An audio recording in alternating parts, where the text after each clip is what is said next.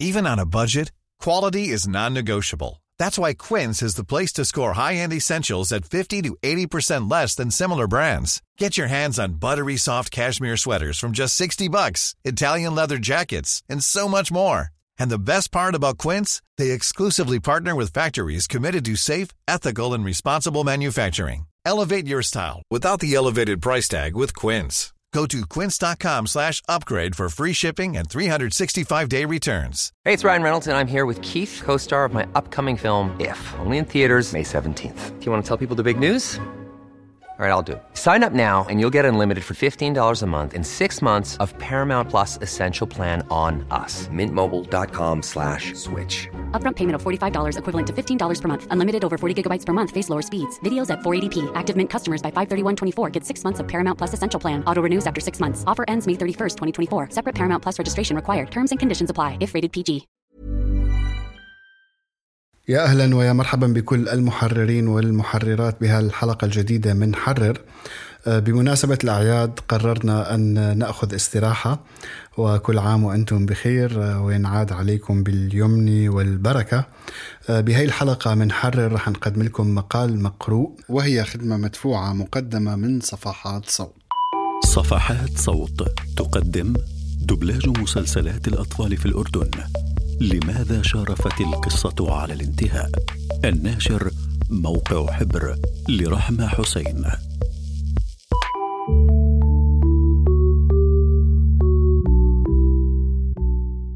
أربعون عاما مضت منذ أول تجربة أردنية لدبلجة مسلسل كرتوني عالمي باللغة العربية الفصحى.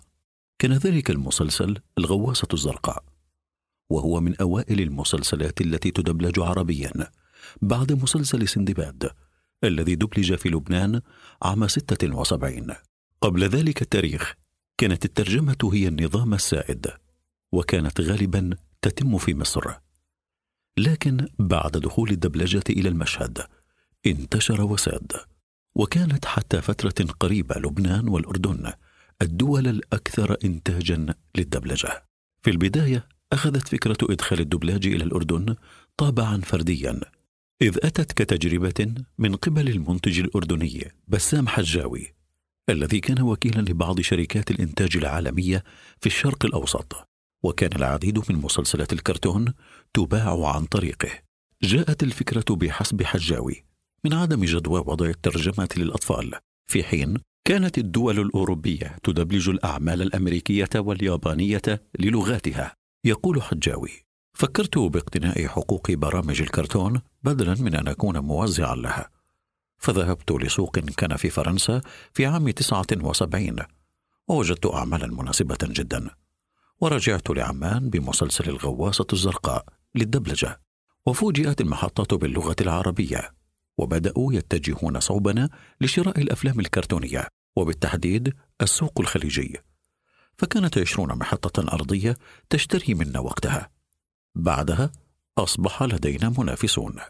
بعد ذلك عمل حجاوي مع المخرج الأردني سهيل إلياس وكان من أوائل مخرجي الدبلاج في الأردن وقتها وهو الذي سيقتني بعض الأعمال الكرتونية مستقبلا وسينتجها لصالحه. وفي منتصف الثمانينات دخلت مجموعة المركز العربي الإعلامية بتعاون وشراكة فنية مع شركة حجاوي لمدة عشرين عاما تقريبا.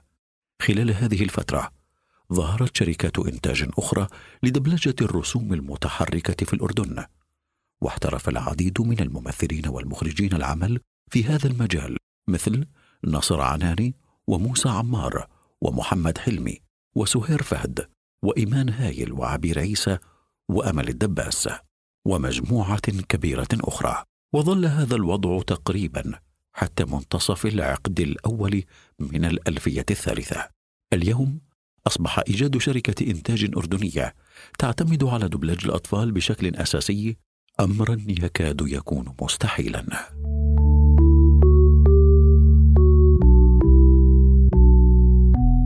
البداية أقرب للسينما من التلفزيون. يقول كل من حجاوي وإلياس إن عملية الدبلاج في بداية الثمانينيات كانت تستغرق وقتا وجهدا كبيرين مقارنة بالوضع الحالي فقد كانت الأعمال تشحن إلى الأردن وتبقى مدة أسبوع في الجمارك ثم يتم العمل في استديوهات إذاعية. وكانت المسلسلات تأتيهم على أفلام من طراز 16 ملم وكان لابد من أن يجتمع الممثلون في الأستوديو لتسجيل المشهد ذاته. ثم ينتج المقطع الصوتي بأصوات الممثلين على فيلم مماثل الحجم ويمازج الصوت مع الصورة ويتم إجراء التعديلات اللازمة لتشذيب الإنتاج. وينسخ العمل نهاية في التلفزيون الأردني على الفيديو ويتم توزيعه على القنوات الفضائية. يوضح إلياس قائلا وقتها أنا شفت العملية كيف بتصير. كانوا بيستعملوا أجهزة كتير متطورة برا للدبلاج إحنا ما كنا راح نقدر نوفرها.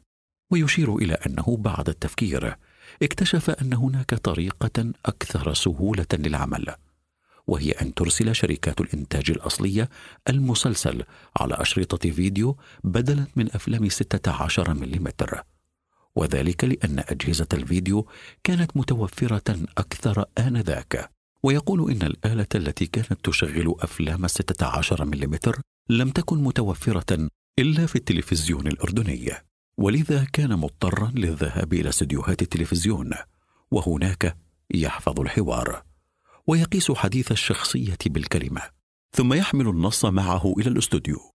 وبعد أن يأتي المخرج للاستوديو حاملا نصوص حلقة أو اثنتين يحفظ الممثلون أدوارهم ويشاهدون الحلقة قبل البدء بالتسجيل. من أجل فهم الشخصيات ثم يسجلون أدوارهم دون أن يروا الشاشة.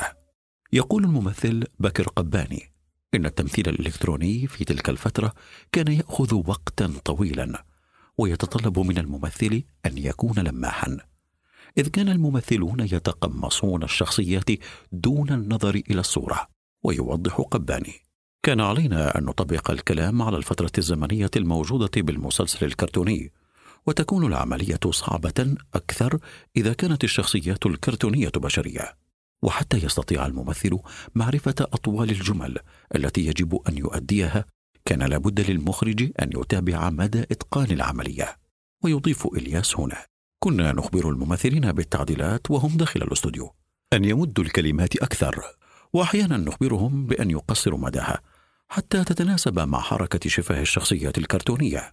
وقتها كان تسجيل حلقة يقل طولها عن نصف ساعة يستهلك من الممثلين نصف يوم بحسب ما يذكره إلياس. ومع الزمن تطورت العملية وفي عام 83 دخل المركز العربي للإنتاج الإعلامي مجال الدبلاج وسمحت الحكومة بشراء معدات الفيديو. فأنشأ المركز استوديو خاصا للدبلاج يقول عدنان العواملة. رئيس هيئة مدراء المركز بأن الاستديوهات ساهمت بتسريع العملية وأن اليوم الواحد كان يحمل إنتاجا لأكثر من حلقة.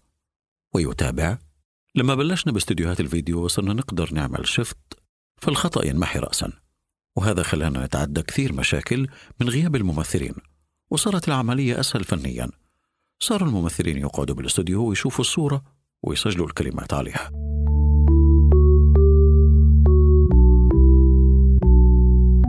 محطة حرب الخليج عام 1990 كان إنتاج دبلاج الرسوم المتحركة في أوجه ودخلت في هذه الفترة عدة شركات أردنية مجال الدبلاج مثل الشرق الأوسط وصوت وصورة والعنود إضافة للشركات السابقة. وصارت هذه الشركات تشتري حقوق المسلسلات وتعمل لصالحها وزاد الإنتاج تدريجيا. لكن الإنتاج الأردني الفني دخل في السنة نفسها حالة من الركود بسبب حرب الخليج والمواقف التي ترتبت عليها من قبل السوق الخليجية تجاه الأردن. فكانت هناك حالة من المقاطعة للأعمال الدرامية الأردنية لكن هذه المقاطعة لم تؤثر سلبا على أفلام الكرتون.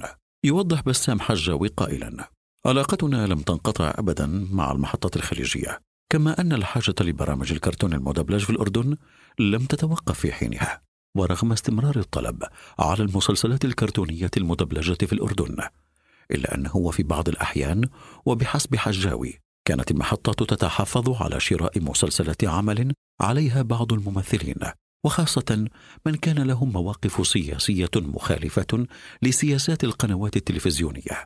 أما المخرج عمر حامد فيرى أن الأردن كان الوحيد الذي يعمل في الدبلاج الكرتوني في حينها. لذا فلم يكن هناك بديل آخر للمحطة الخليجية آنذاك. ويروي عدنان العواملة. قصة مسلسل كرتوني تمت الموافقة على شرائه من محطة خليجية في أثناء فترة حرب الخليج. بشرط حذف واستبدال صوت إحدى الممثلات الأردنيات لظهورها في مسرحية اتخذت موقفا سياسيا مغايرا لسياسة تلك المحطة. وعملوا على حذف صوتها من أجل بيع العمل.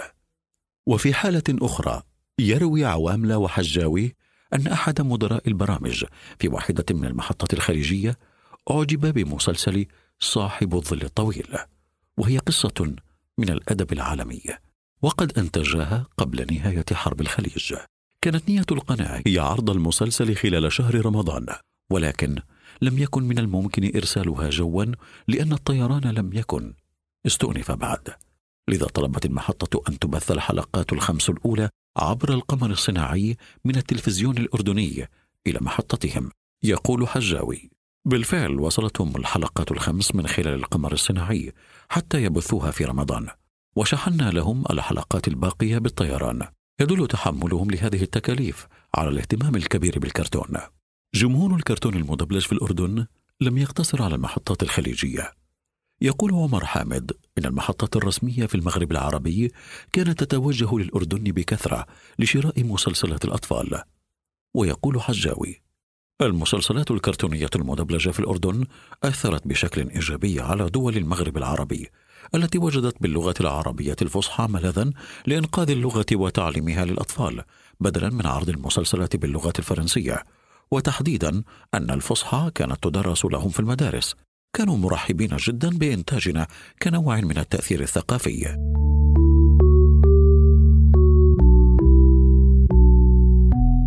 رقابة ذاتية. أدت الاختلافات الثقافية بين الرسوم المتحركة الأصلية وبين ما هو متعارف عليه في المنطقة العربية إلى زيادة الحمل على العاملين في مجال الدبلاج فيقول بكر قباني المشكلة بالرسوم المتحركة أنها كانت تصنع من الخارج. كان بعضها ما بلائم الأطفال ولا العادات والتقاليد. وممكن إنها تأثر سلبا على تفكير الأطفال. فمثلا في كرتون ألماني اضطرينا لحذف أحد أركان المسلسل لأنه بيخالف المعتقدات الدينية. ويضيف كنا نتحايل على الصورة بالكلام. ونفس الأمر بالنسبة للمشروبات وغيرها. وعن هذه المسألة يقول أكرم المؤمني مدير شركة العنود للإنتاج الفني. لما كنا نختار المسلسلات كنا نهتم للعنصر الجمالي شكل الشخصيات والألوان وكمان القصة.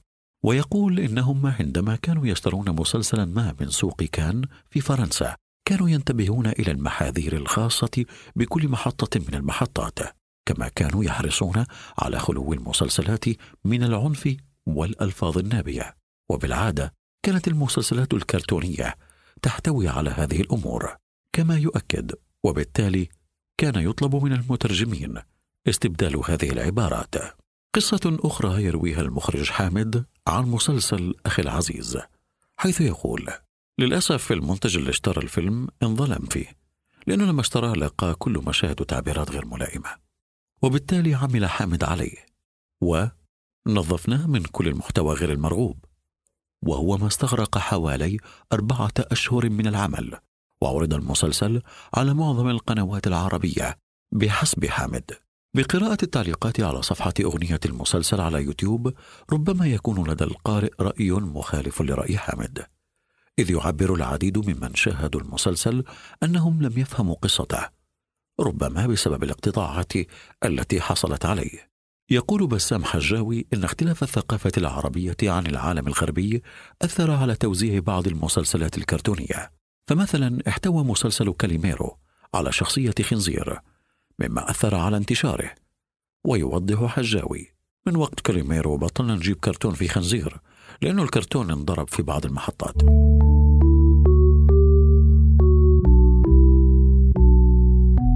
تحولات السوق وتوقف الإنتاج. بقي سوق الدبلاج واسعا ومنتجا حتى عام 2006 أي بعد أن أصبحت المحطات العربية تشتري حقوق الكرتون وتعمل على دبلجته بنفسها لكن قبل الوصول إلى هذه المرحلة كان السوق قد مر بمرحلة أخرى وهي مرحلة شراء الخدمات يذكر سهيل إلياس إن المحطات العربية اتجهت في فترة ما لشراء مسلسلات الكرتون والاستعانة بخدمات الدبلاج عن طريق الأردن وهو ما كان نافعا للمنتج الأردني بتقليل مخاطر شراء الحقوق بأكملها. مع العام 2006 باتت الأولوية في شراء حقوق الكرتون للمحطات الكبرى وظهرت محطات بأكملها للكرتون وأصبحت تنتج لحسابها الخاص. يقول حامد: المنتج الأردني بطلت تتوفي معه. لما يشتري كرتون ب 26 حلقة ممكن يوصل تكاليفه من إنتاجه ل 50 ألف دولار وفي الوقت الحالي ما راح ينباع يعني بالكثير ثلاث محطات يا دوب يدفعوا 13 ألف دولار وهو أمر مستحيل أن المنتج يغامر فيه سبب آخر يشير إليه المؤمني وهو أن بعض الأشخاص المتوغلين في المحطات الكبيرة سيطروا عليها للاستفادة من خدمات الدبلاج في شركاتهم الخاصة وبأسعار مضاعفة بحسبه. يذكر المركز العربي أن عملهم في هذا المجال قد توقف بالفعل منذ أكثر من عشر سنوات وأنهم انتقلوا من دبلاج الكرتون إلى دبلاج الدراما لأنه أصبح مجديا أكثر. لكن المركز لا يزال يسوق بعض الأعمال القديمة لأنها لا تزال مطلوبة. وهو ما يتفق معه حامد الذي يقول إن بعض القنوات لا زالت تشتري أعمالا قديمة مثل القرية الأليفة وجريندايزر يقول حامد أحسن عمل اشتغلته كان مخلص صديق الحيوان ويضيف أنا كنت عامل دور مخلص وتفاجأت السنة الماضية بأن التلفزيون السعودي عمل معي مقابلة مع زملائي. عشان يحكوا عن مخلص صديق الحيوان وقالوا لي إنه عم ينعرض من جديد في السعودية ومكسر الدنيا. الغريب إنه الكرتون عملناه قبل حوالي 32 سنة ولسه عم ينعرض.